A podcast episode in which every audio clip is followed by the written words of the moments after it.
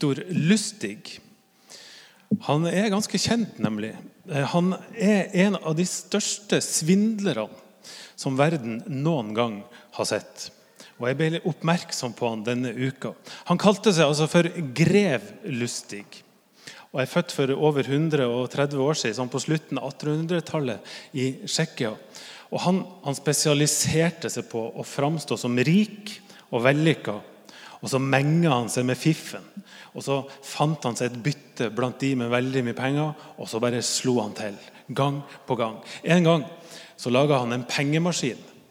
En sånn boks som han påsto kunne lage ekte pengesedler.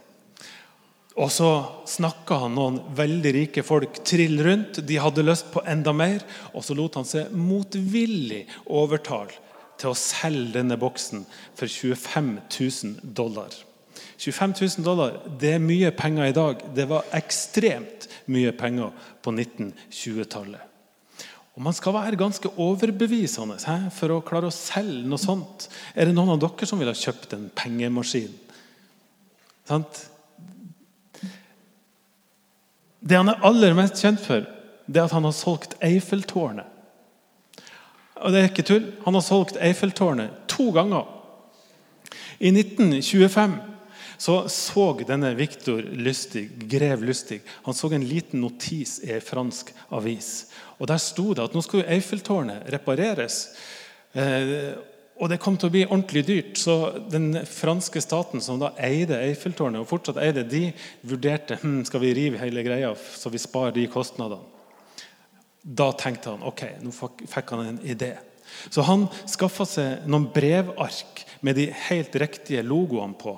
Og Så sendte han brev til noen skraphandlere i Paris og innkalte de til et møte på et ordentlig fint hotell. Og Der fikk de fem skraphandlerne de fikk servert paté, champagne. De ble behandla som konger. Og Lustig kom, og så presenterte han som visegeneraldirektør.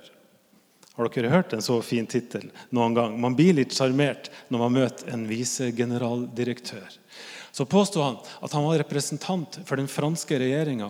Og det han nå skulle gjøre, det krever total diskresjon. Det må ikke komme ut. Men regjeringa har altså beslutta å rive Eiffeltårnet, og dere er de første som får vite Men dere kan altså få lov til å kjøpe 7000 tonn med skrapjern Altså, Eiffeltårnet rives. Jernet som er i tårnet, det skal dere få kjøpe.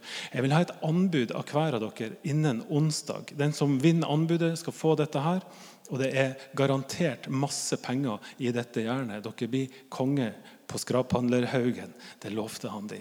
Og Anbudene de kom inn i tide på onsdag, men Lustig han hadde bestemt seg. Det var en av de der som hadde vært ekstra godtroende. Han syntes at de, han så liksom mer lettlurt enn de andre. Så han inviterte denne skraphandleren til hotellet og fortalte at det er du som har vunnet anbudet. Nå skal vi bare gjøre ferdig denne dealen. Og Da han skulle overlevere sjekken, så begynner skraphandleren å bli mistenksom. Og Så spør han hvorfor skjer dette her på hotellet. Hvorfor skjer det ikke i departementet? Viktor Lustig sa da at eh, det er ganske dårlige økonomiske kår for oss som jobber i staten for tida. Og han her skraphandleren tolka det dit hen at nå ville han ha en bestikkelse. Så det ender med at skraphandleren ikke bare gir han en sjekk på 250 000 franc, altså 10 millioner dollar i dagens valuta, men han gir oss også en stor bunke med sedler i bestikkelse. Det som skjer, det er at Viktor Lustig, grev Lustig, han tar pengene, tar sjekken, får casha det ut, stikker av gårde til Østerrike. Og så sitter en skraphandler igjen i Paris og tenker Er det mulig? Hvor dum går det an å bli? Og Han var altså så flau, denne skraphandleren, at han meldte ikke svindelen til politiet det ble for ydmykende. Og Borti Østerrike der sitter Viktor Lustig og leser franske aviser. og Han leter og leter at det skal stå et eller annet om denne svindelen. Finner ikke et ord. Så han tenker hm, da har jeg sjansen på nytt. Så han reiser tilbake til Paris, og så selger han Eiffeltårnet på nytt. Akkurat samme framgangsmåte. Akkurat samme opplegget, og nok en gang sitter en skraphandler i Paris og tenker hvor dum går det an å bli? Denne gangen så ble svindelen anmeldt. Han torde å si ifra. Og grev Lustig ble en jaga mann, så han reiste til USA. Og Der fortsatte han å svindle folk. Al Capone blant annet, betalte 50 000 dollar i en sånn aksjegreie som han aldri så pengene igjen. At Han torde. Han var en ordentlig luring, denne grev Lustig. Ti år etterpå så ble han tatt i USA og endte sine dager i Alcatraz-fengselet utenfor San Francisco. Og Han har altså fått en plass i historien, denne karen. Og Jeg oppdaga det denne uka fordi jeg kom over ei liste som han har laga. Tidlig i svindlerkarrieren sin så laga han ei liste om hvordan han altså Ni regler, ni bud nærmest, om hvordan skal jeg oppføre meg for å klare å lure folk på denne måten.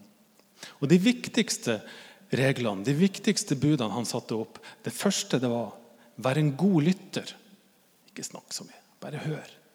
Og Du må aldri gi uttrykk for hvor du står politisk. Aldri noe sånt. Men hvis de andre forteller den du har lyst til å lure, forteller hvor han eller hun står politisk, ja, så er du selvfølgelig helt enig. Du er enig i alt. Hvis den andre forteller hvor, eh, hvor han hører til eh, religiøst, så går du selvfølgelig i akkurat samme kirke. Skap minst mulig friksjon. altså. Vær alltid velkledd, vær velstelt. Aldri skryt av det sjøl. Hvis du skal oppsummere alle disse reglene som han, han eh, lista opp her, så er det sånn Finn det svake punktet. Framstå som noen ting som er forlokkende. Gi folk det de vil ha, og bam, så slår du til. Det er oppskrifta. Og grev Lystig han beherska dette til fingerspissene. Han var ekstremt tillitsvekkende, veltalende. Han lurte hundrevis av folk som trodde at han ville dem noe godt. Og Nå har altså Ole Kristian lest en tekst fra Bibelen der Jesus forteller en historie til en stor folkemengde. Og Poenget hans er nå må dere ikke la dere lure. Det er ikke gull alt som glitrer. La dere ikke forføre av alt som ser bra ut, men ha blikket festa på meg. For det er som kan gi dere det dere trenger. Foranledninga for at Jesus forteller denne historien, det er at han akkurat har helbreda en mann som var født blind. Og Dette det gjorde han altså på sabbaten. Og På sabbaten da var det ikke lov å arbeide. Det var ikke lov til noen ting som helst på sabbaten. Da skulle man hvile. Akkurat sånn som Gud hvilte den syvende dagen da Gud skapte jorda. Men Jesus bryter selve skaperordninga, noe som er helt uhørt. Men Jesus sier nei. Hvis loven hindrer oss i å gjøre det gode, ja, da er det noe gærent med den loven. Fariserene som anklaga han, de var ikke enige. De var glad i reglene sine og laga et ordentlig oppstyr og sa at selv om Jesus har helbreda denne mannen, så kan ikke han være fra Gud fordi han brøt denne skapelsesordninga. Han overholdt ikke sabbaten. Så det de gjør, det er at de finner foreldrene til denne mannen og så tar de et ordentlig forhør på han og vil høre er han virkelig født blind. Så møtes alle sammen etter hvert. Mannen som har fått synet igjen, Foreldrene, fariseerne, Jesus, disiplene, og så er det en stor folkemengde som har samla seg rundt dem. Og Da er det at Jesus forteller den historien som Ole Kristian leste, om sauene som har et sånn avgrensa område der de blir passa på av en gjeter. Det er fredelig, det er godt. Og Jesus forteller senere, helt i slutten der, at det er han som er gjeteren. Det er vi som er sauene. Det er ingen trusler inne i dette området. Det er ingen tvang. Gjeteren han går ikke bak med pisk. Tvert imot. Han går foran. Kald på sauene. Og sauene kjenner stemmen hans, og de er trygge når de følger gjeteren. Og så husker dere kanskje at Jesus brukte også et annet bilde om seg sjøl i historien. Han er ikke bare gjeteren, men han sa at jeg er også porten inn til dette området. Porten til trygghet, til beskyttelse, er en port som kan lukkes mot vern, som et vern imot fiender. Ikke bare kan den lukkes, det er også en åpen port der dere kan gå fritt ut og inn i frihet. Akkurat sånn som historien om den fortapte sønnen. Han som fikk dra ut gjennom porten da han ville og trengte det. Men som også kom tilbake da han trengte det, og ble mottatt uten anklager, men med fest og med glede. Og Jesus avslutta fortellinga med å si at jeg, jeg vil gi dere liv. Jeg vil gi dere overflod. Det bildet Jesus tegner av seg sjøl, og det bildet det står i sterk kontrast med at det også er noen tyver og røvere som klatrer over gjerdet til sauene. De kommer ikke gjennom porten, de kommer i skjul. Og tyven lokker og kaller og prøver å forføre. Men stemmene er ukjent. Men det er stemmer som er fristende å følge. Men disse stemmene vil ikke noe annet enn å ødelegge, stjele og drepe, sier Jesus. Og Jeg vet ikke hvem han har i tankene når han snakker om disse tyvene. Kanskje det er fariseerne som står rundt og ser på og hører på. For de har helt tydelige svar på hvordan livet skal leves. Og det er ikke så mye frihet der. Det er ikke så mye overflod i deres liv. Det er mest krav og strenge regler som skal overholdes. Hvor relevant den var i, for 2000 år siden i samfunnslivet da, det vet jeg ikke. Men for oss tenker jeg at denne historien er ganske relevant. fordi vi lever altså i en verden der veldig mange kjemper om å ha den fineste stemmen. Og Da snakker jeg ikke om The Voice på TV 2, men jeg snakker om andre stemmer som forteller oss akkurat det vi har lyst å høre. Som gir oss det vi vil ha. Og tilbake så ønsker de å få oppmerksomheten vår, de ønsker å få pengene våre, de ønsker å få tida vår. Så er det altså sånn at det ikke alltid finnes et godt hjerte bak den fine stemmen.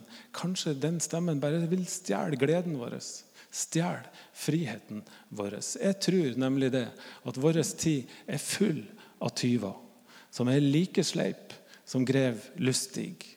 Jeg tror tyvene har alle fasonger og alle farger. Tidstyver, f.eks. Sosiale medier. Det er altså en tidstyv, i hvert fall i mitt liv. Sosiale medier gir jo oss det vi vil ha. Det smører oss etter, stryker oss etter hårene og kan krysse av på de fleste punktene på lista til grev Lustig. Og spørsmålet er gir det oss frihet å være masse pålogga hele tida. Eller binder det oss? Gir det oss glede? Ja, selvfølgelig. Men tapte oss for mer glede ved at vi går glipp av det virkelige livet som leves et annet sted? Jeg vet ikke. Jeg er ikke så flink å stå med pekefingeren og si 'pass dere' og 'fy, fy, fy'. Dere får finne ut hva slags stemmer som leder dere i feil retning. Jeg har mine stemmer, dere har deres stemmer. Men jeg har lyst til å si at selv om det finnes stemmer som er vanskelig å motstå, og som leder oss i feil retning, så er vi altså ikke dum. De som kjøpte Eiffeltårnet, de var ikke dum. Han var ikke dum, han som kjøpte pengemaskinen en gang. Det var grev Lustig, som var ekstremt smart. Og hvem er vi? Jo, I historien til Jesus så er vi små sauer. Vi er enkle bytter. Vi er lett å lure. Og kan noen selge Eiffeltårnet to ganger til normale mennesker, ja, så kan også vi bli lurt. Vi trenger en som passer på. Og det er her Jesus kommer inn i bildet. Jesus er den som passer på. Lær dere å kjenne stemmen min, sier han. Jeg skal gi dere det dere trenger. Det er så mange andre stemmer der ute, men lær dere å kjenne min stemme, så skal jeg gi dere liv og overflod. Jeg skal gi dere en fred som ingen andre kan gi. Og måten å lære seg å kjenne stemmen til noen, hvordan er det? Eller hva er det? Jo, det er jo at vi bruker tid sammen. Den vi er masse sammen med, lærer vi etter hvert å kjenne stemmen til. Les i Bibelen. Be ei bønn. Vær her eller i et annet kristent fellesskap. Da blir stemmen til Jesus hørbar og tydelig etter hvert. Og dette er dagens budskap. Alle vi som sitter her, alle mennesker. Vi ønsker frihet, vi ønsker trygghet, vi ønsker rettferdighet, vi ønsker glede. Dette vil alle ha. Og vi søkte der det er å finne. Vi søkte mange plasser. Men mange plasser så finner vi altså ikke annet enn kortvarig glede og falsk lykke. Jesus sier, 'Lær dere å kjenne min stemme', så skal jeg gi dere alt dere trenger. Liv og overflod. En helt annen fred enn verden kan gi. Og nå, nå skal vi snart ha nattvær. Marte skal komme fram hit og, og sørge for at det skjer. Og da, når vi har nattvær, så kan vi gå til Jesus. Bruk beina våre og kom fram hit, ta imot brød og vin. Og på den måten si OK, Jesus, jeg ønsker å bli kjent med det. Jeg ønsker at du skal være stemmen i livet mitt som jeg følger. Det er din stemme jeg vil følge, ikke alle de andre. Det handler nattverden om i dag.